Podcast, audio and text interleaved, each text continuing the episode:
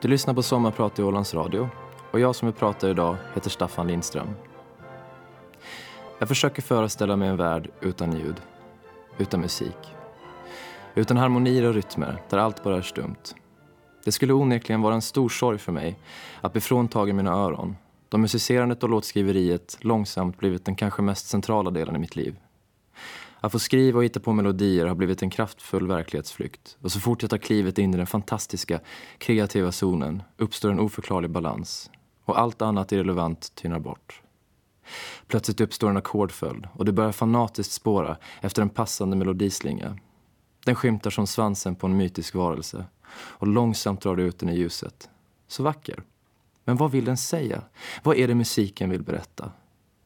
Medan det musikaliska rummet i ditt huvud växer tar en berättelse form och du klär symfonin i ord. En låt är född. Och du är den första att få höra den någonsin. Soundtracket till din berättelse, till ditt liv.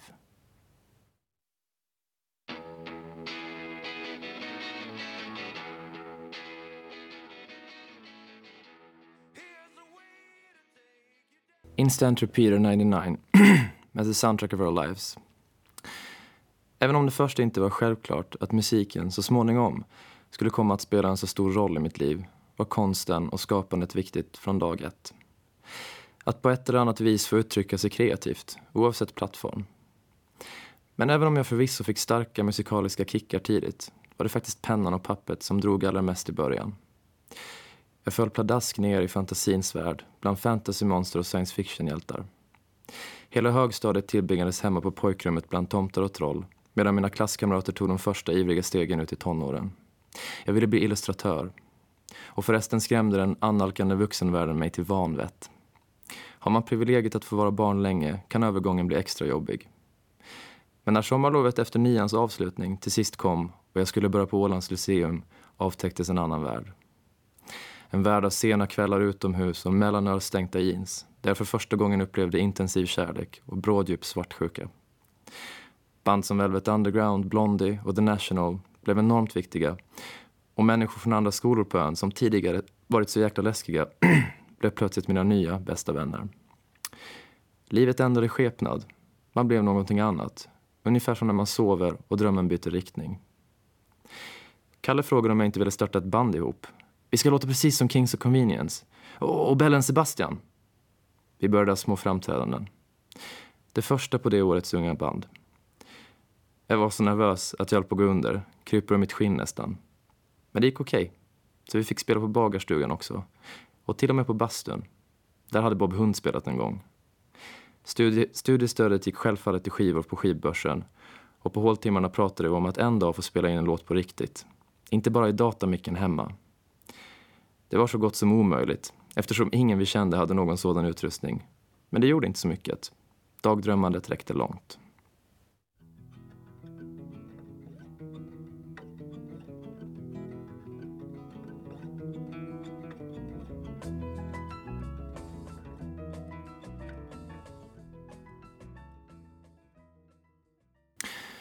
Nick Drake med låten One of these things first.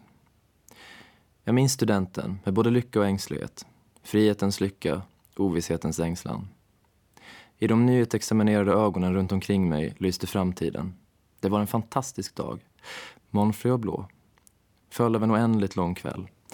Jag älskar Mariehamn den tiden på året. På eftermiddagarna hänger solen lågt och kvartershusen längs esplanaden kastar långa mörka skuggor. Det är, no det, det är som att någonting ligger i luften och hela staden tycks vara fylld av ett kontinuerligt sorl. Ett gäng kids har kanske smitit in på Gustav Erikssons gamla redartomt som nu blir ett universum för dem. Tänk att en stad som har levt i så länge plötsligt kan ändra skepnad och bli något annat. Någonting jag fortfarande tycker om att göra när jag kommer hem är att cykla längs Ålandsvägen. Höra vindspelen i oxlarnas löv och rullar förbi den till synes för evigt stagnerade konstruktionsplats som Bio Savoy utgör. Hur som helst var studentkvällen vacker, som för många nästan som en saga. Den lämnade mig ändå med en märklig bismak. Jag var lycklig eftersom jag tagit mig över mållinjen. Skrivningarna var tuffa, men nu var det klart. Fast hur skulle livet se ut? Alla andra verkade så säkra på sin sak. Det kändes som att felaktigt klumpas ihop med framtidens stora hopp. Det där är ju inte jag. Med mössan kommer ett stort ansvar. Inte alltid något för en person som hälften av tiden bor på Jupiter. En person som fortfarande helst av allt porträtterar sina fantasifoster i skissböcker eller går vilse i vemod. Jag ville nog egentligen bo kvar i de där åren i gymnasiet redan då. I Mariehamn. Att tillsammans med vännerna springa runt i kvarteren kring Norra gatan och Västra hamnen för evigt. Jag minns att man skulle känna ett sånt stort begär efter att äntligen få ge sig ut i världen. Och visst sveptes jag med i festen, men jag tror att jag innerst inne kanske hade hemlängtan innan jag ens gett mig av. På 1700-talet ansågs nostalgi vara en åkomma man måste botas från. Schweiziska soldater kunde bestraffas för hemlängtan när de låg i fält. Mig hade de spärrat in på några röda. Du är ju sjuk. Du lider av sentimentalitet.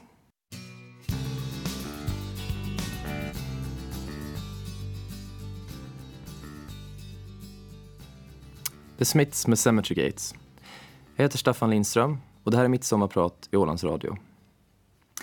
I juni 2011 står jag, några år senare, utanför en byggnad i Milano. Det är i mitten av en värmebölja och staden kokar, både bildligt och bokstavligen. Jag tycker att fasaden ser rätt anspråkslös ut. Men på insidan ligger det anrika modehuset Guccis högkvarter i Italien. Och jag är influgen från Paris för att träffa dem. I lobbyn står en mängd unga killar som ser ut lite som jag själv. Man letar efter modeller till säsongens stora herrvisning som ska äga rum snart på modeveckan i Milano. Alla hoppas få en plats. Gucci letar, letar även, utöver detta, efter tre killar som hela kollektionen ska testas på. Tre modeller som enbart går för just det märket under modeveckan. Detta kallas att gå exklusivt för någon och är väldigt prestigefyllt inom modevärlden. När jag anländer letar man fortfarande efter den tredje och sista personen. Jag är varm och svettig efter flygresan och jag förväntar mig ingenting. Det är den första modeveckan i mitt liv och jag har fortfarande inte gått en enda visning. Någon månad tidigare hade rektorn på konstskolan jag då gick kopplat ihop mig med en modellscout i Stockholm. Och nu befinner jag mig plötsligt i en ny verklighet. Jag är nervös, men samtidigt hypnotiserad av hur, hur, hur osannolikt allting känns.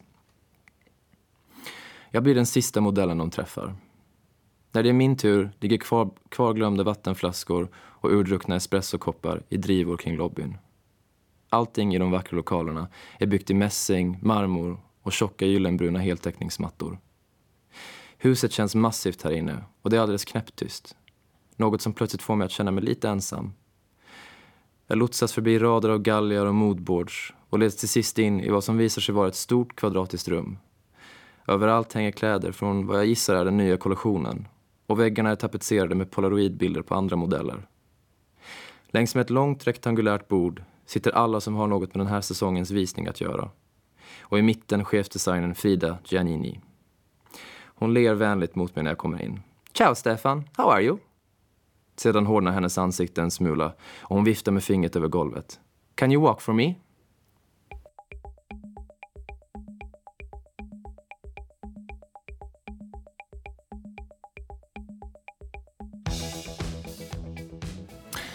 Blondie, Heart of Glass.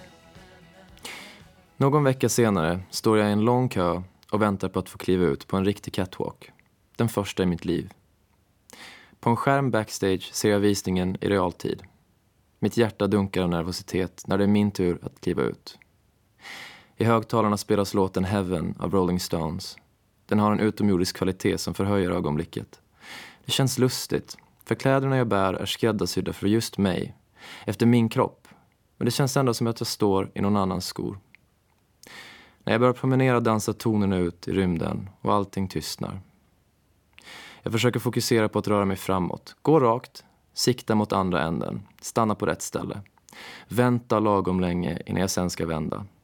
Tiden sniglar sig fram i mitt huvud och när jag till sist når andra sidan, en vägg av kameralinser, väcks jag ur mina tankar. Verkligheten forsar tillbaka i form av ett världskrig. Framför mig smattrar blixtar som, som maskingevär.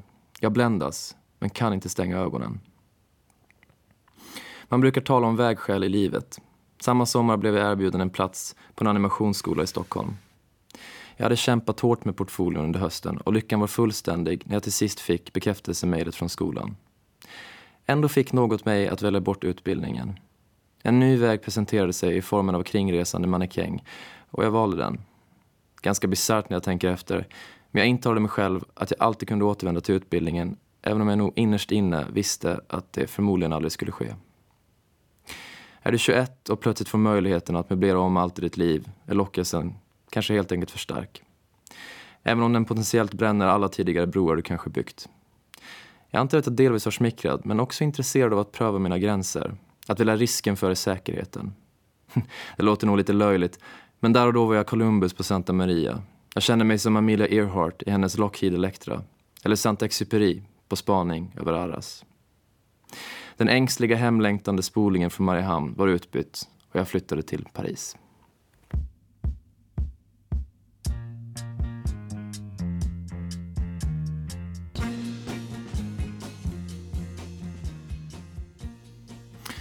Françoise Hardy, Comment te dire adieu. Modellagenturen i Frankrike ordnade så att jag fick, en, fick dela en lägenhet i Montmartre med en annan ung kille. Vår hyresvärd hette Patrice och samlade på antika Tintinböcker. Kvarteret som lägenheten låg i såg ut på precis det där sättet som man ibland tänker sig när man ser Paris för sitt inre. Små vindlande gränder i gyllenblått sken, intryckta bland sluttande tak och gamla fasader med långa smala balkonger. Mellan husen en ekande kakafoni av röster och avlägsen musik. Ett levande vykort.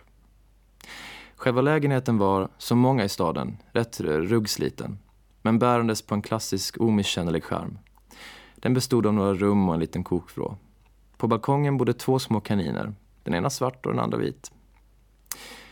Patrice lämnade nyckeln till mig och nämnde en flaska vin i den annars tomma kylen. It's shit for cooking you know, but you can have it. Jag var överlycklig. Ensam i Paris med en flaska surt rödvin. Säkert med världen för mina fötter och allt det där.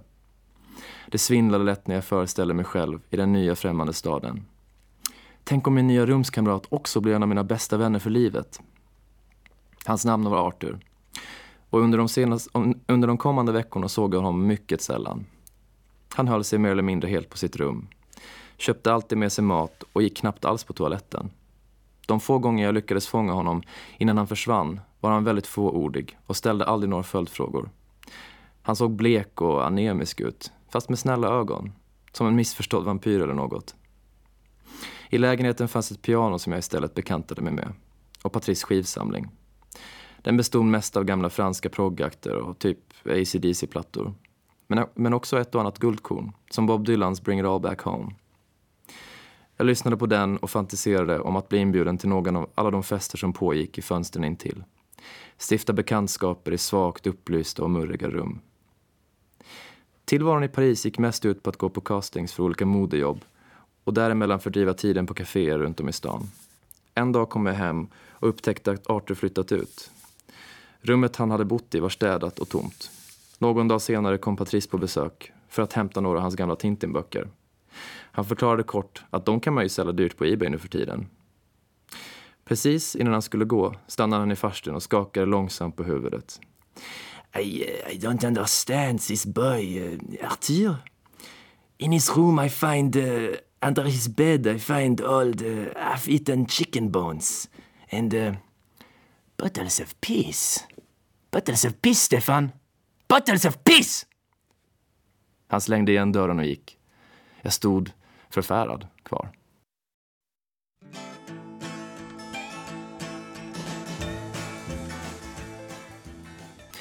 Bob Dylan, Subterranean Homesick Blues. Du lyssnar på Sommarprat i Ålands Radio med mig, Staffan Lindström.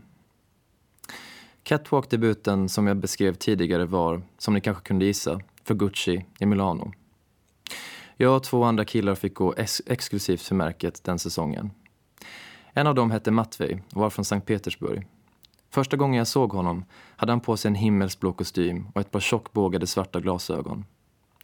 Det var som om någon vandrat rakt ur en Fellini-film. Han var redan väldigt nära med alla på modehuset och gav ett generellt intryck av att vara en världsvan person. Han pratade ivrigt och med intresse, sådär som nästan bara en ung människa kan göra. Och det kändes som att han liksom alltid var på väg någonstans. Jag var imponerad. Jag minns att jag aldrig hade träffat en liknande person tidigare. Han hade kunnat platta till vem som helst, men istället var han inkluderande och engagerade sig i alla runt omkring sig. På toppen av detta pratade han redan fem olika språk. En gång berättade han för mig att det första han gjorde när han kom till Italien var att börja rabbla siffrorna 0 till 100 baklänges på hotellrummet. That's how you learn a new language, Staffan, konstaterade han. Som ni kan förstå blev jag väldigt glad när Matvej, kort efter den egendomliga episoden med kissflaskorna, plötsligt hörde av sig till mig i Paris. Han bodde själv i stan och vi började umgås. Han hade hört en av mina låtar, något jag spelat in hemma i Mariehamn under väldigt enkla former och blev genast förtjust i tanken på att känna en musiker. En då främmande tanke för mig. Att jag skulle vara en musiker alltså. Jag.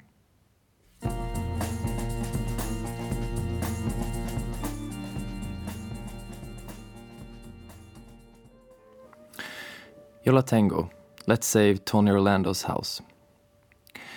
Matvej ville bli regissör han förklarade att han en dag skulle göra en film som skulle få folk att tappa hakorna. One day you'll be world famous and we'll make the most beautiful music videos together, sa han en afton. Det var ord som försvann i natten i samma stund som de yttrades. Men jag var trollbunden av någon som drömde så gränslöst. Det var som att jordens alla vidsträckta landmassor plötsligt trotsade världshaven och slöt sig långsamt runt omkring oss. Ingen ocean, tundra eller öken för stor. Ingen stadsgräns eller myllrande metropol förskrämmande för oss i den ljumma Parisnatten. Vi rörde oss obehindrat över enorma avstånd och även om morgonen skulle medföra en välbehövd kalldusch var vi där och då stjärnor i en rymd av expanderande möjligheter. En helg skulle ett par vänner till Matthew från Spanien komma på besök. I staden pågick under de, de dagarna den årliga Fête de la Musique, världsevenemanget som uppmanar folk att gå ut på gatorna med sina instrument och spela för allt vad tygen håller. Matvej bodde under den perioden i en liten lägenhet nära området Republik, intill det berömda torget Plastevosk. Staden sjöd under lördagen av sångglädje, framförallt i kvarteren kring Le Marais och Plastevosk. Och vi drogs med av yran. Efter middag och barrunda, där vi alla lärt känna varandra, bestämde vi oss för att återvända till Mattvejs lägenhet. En av spanjorerna hette Jessica och var modeskapare. Hon hade alldeles nyligen designat och visat sin första kollektion i Madrid. Någon gång in mot småtimmarna gräver Matvej plötsligt fram en gitarr. Staffan is a musician and in honor of Fête Musik la Musique he's going to sing one of his songs for us, säger han högtidligt. Jag blir först vettskrämd eftersom musiken från stereon tvärt tystnar och alla människor i lägenheten stirrar på mig. Men kort därefter tar jag gitarren och börjar sjunga den där låten som fanns inspelad. Min egen. Det fanns ju liksom ingen annan utväg. Visst är det märkligt hur vissa stunder i livet på något sätt upphöjs och blir något annat. Jag kommer aldrig glömma hur ackorden där inne lät just i den stunden. Eller hur jag på något mystiskt sätt separerades från musiken och blev ett instrument själv. Som någon slags anonym postiljon mellan tonerna och rummets mottagare. Jag glömmer aldrig känslan när jag insåg att det inte längre var jag som spelade. Jag var bara en del av en större kosmisk dialog som ägde rum någonstans i Europa. Jag kommer alltid minnas hur Matvi och Jessica ordlöst började dansa med varandra utan att ha någon aning om att de en dag ska bli hopplöst förälskade och gifta sig på en klippkant i södra Spanien. Jag glömmer aldrig hur jag från det att sista tonen dog bort kände mig djupt omskakad jag glömmer aldrig kvällen då jag insåg att jag aldrig skulle kunna komma undan musiken.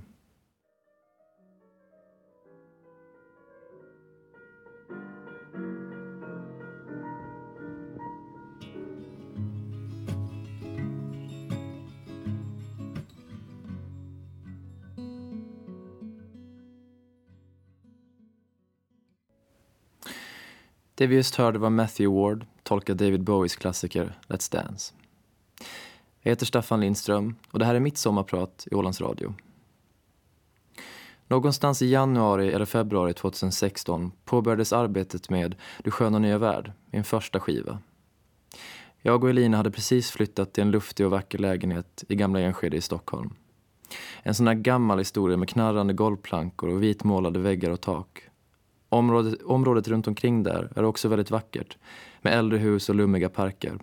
En bit bort ligger den gåtfulla skogskyrkogården med alla sina otaliga livsöden. En rörande kontrast mot våren som vi mötte med lätta steg. Vid det här laget hade antalet musikaliska projekt som genom åren av olika anledningar runnit ut i sanden vuxit sig stort. Jag hade, alltid, jag hade alltid hittat vänner att spela med, men inget hade riktigt fungerat.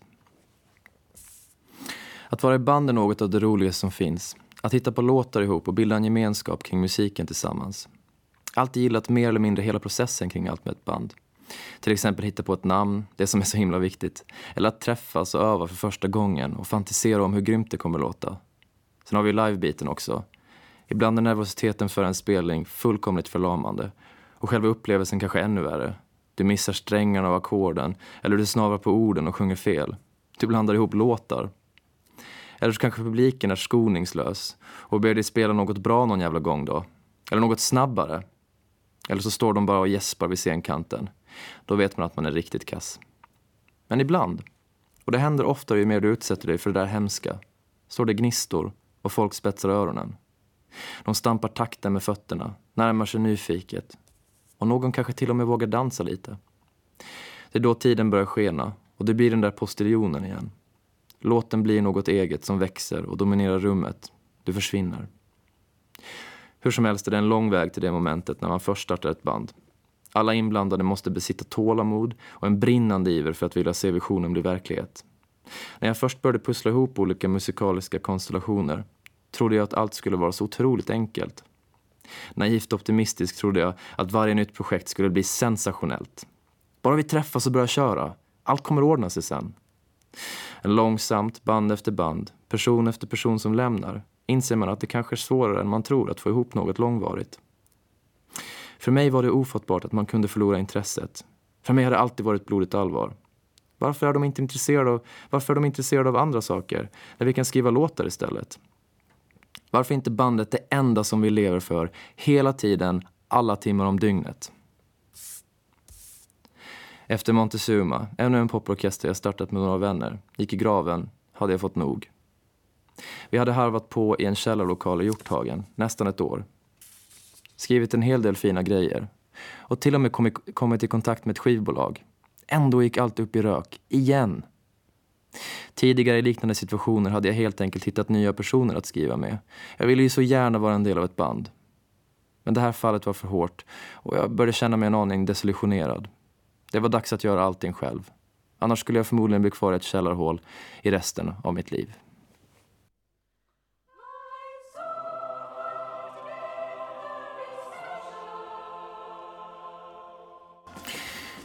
You can't always get what you want of the Rolling Stones.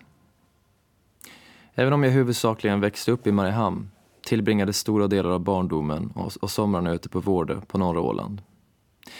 När man är liten tänker man inte så noga på var man befinner sig större delen av tiden. Man är istället 100% uppslukad av nuet. Man vill vara med kompisarna så mycket som möjligt och inte ha tråkigt. Usch vad hemskt.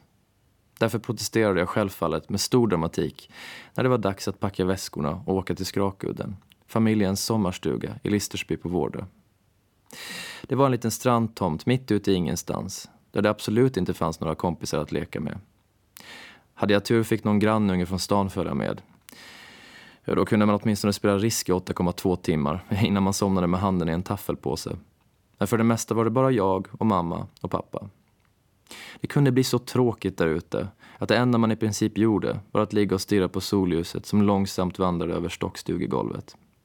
Eller planlöst gå omkring bland träna, dragandes på någon pinne efter sig. Men långsamt, med tiden, hittar man slutligen sina favoritställen. Platserna blir så bekanta att man fylls av en oförklarlig värme bara av att tänka på dem.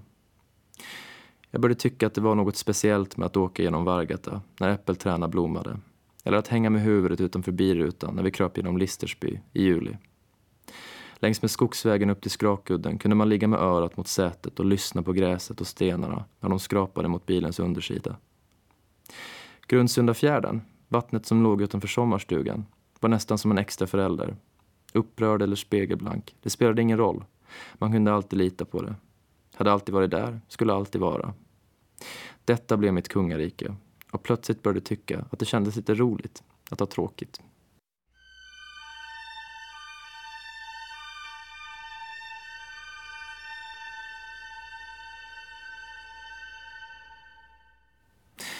Perfidia av Javier Cugat. Du lyssnar på Sommarprat i Ålands Radio med mig, Staffan Lindström. Idag är platserna lika gåtfulla som då. Skillnaden är kanske att de numera också är fyllda av varma minnen. Som till exempel tallkottarna utanför lillstugan. Ska man ner till stranden måste man passera dem. Det är ingen enkel sak om sommaren är stekhet och du barfota har bråttom ner till sjön. Varje gång jag kommer dit ser jag fortfarande en tonårsversion av min storebror skynda sig ner mot stranden över kottarna. Hukat och med armarna utspretande kommer han på tårna trippandes, lite som en fakir över glödande kol. Varje gång jag blickar ut över fjärden ser jag alla snurrebåtsutflykter till de närliggande holmarna eller alla olika försök av varierande framgång att sjösätta flottar och optimistjollar. Och varje gång jag kör förbi kroken i Vargata, den utanför Andeshamnen, ser jag morfar och mitt femåriga jag komma körandes, körandes på hans gamla Tontori. Han där fram med sin snusnäsduk knuten kring halsen och jag nerstoppad där bak i matkorgen med en alldeles för stor hjälm på huvudet. Båda sugna på Tupla och Pommac såklart, själva poängen med mopedturen. Där kom vi längs vägen, som två hjältar på väg mot solnedgången. Jag och morfar.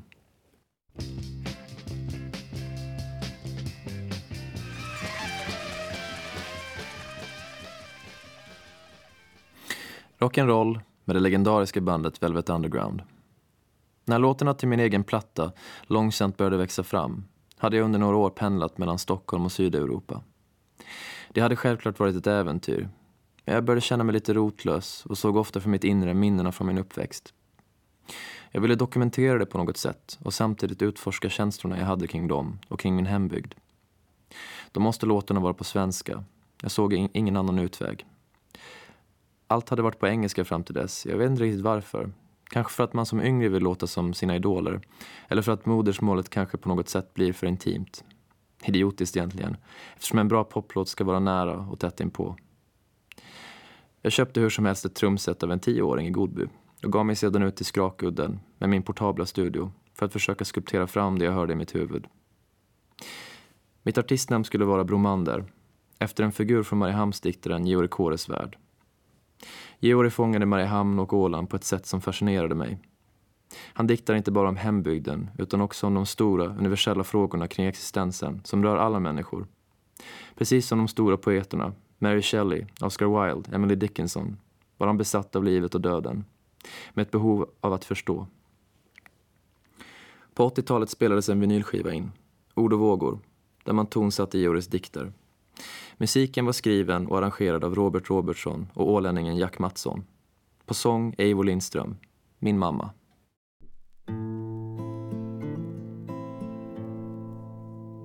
Varför seglar vi ut?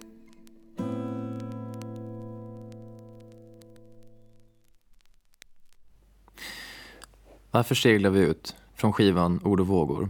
På sång Eivor Lindström. Du lyssnar på Sommarprat i Ålands Radio och han som talar, han heter Staffan Lindström. Fram till skapandet av Bromander kunde jag i princip bara spela akustisk gitarr. När jag satte igång med själva inspelandet av det som slutligen skulle bli nio spår var jag tvungen att lära mig inte bara spela alla instrument som normalt finns i en poporkester, men också producera och mixa allt själv. Ingen enkel uppgift, men har man en tillräckligt utmejslad vision och är desperat nog att vilja genomföra den finns det i princip inga gränser för vad man kan åstadkomma. Det var i varje fall vad jag intalade mig själv. Learning by doing. Jag kan inte påstå att jag faktiskt lärde mig att spela instrumenten, eller mixa eller producera ordentligt för den delen heller. Men det gjorde inte så mycket. Man hittar andra vägar att gå istället. Begränsningarna blir en del av operationen. Nästan en fördel, då möjligheterna minskar. Skönt, färre val.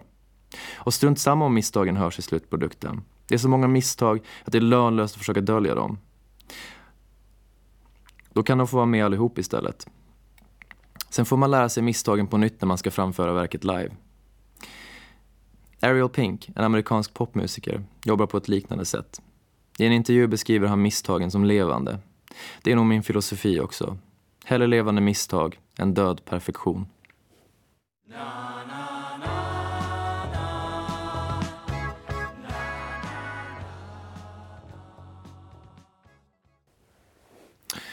Ariel Pink, Round and Round.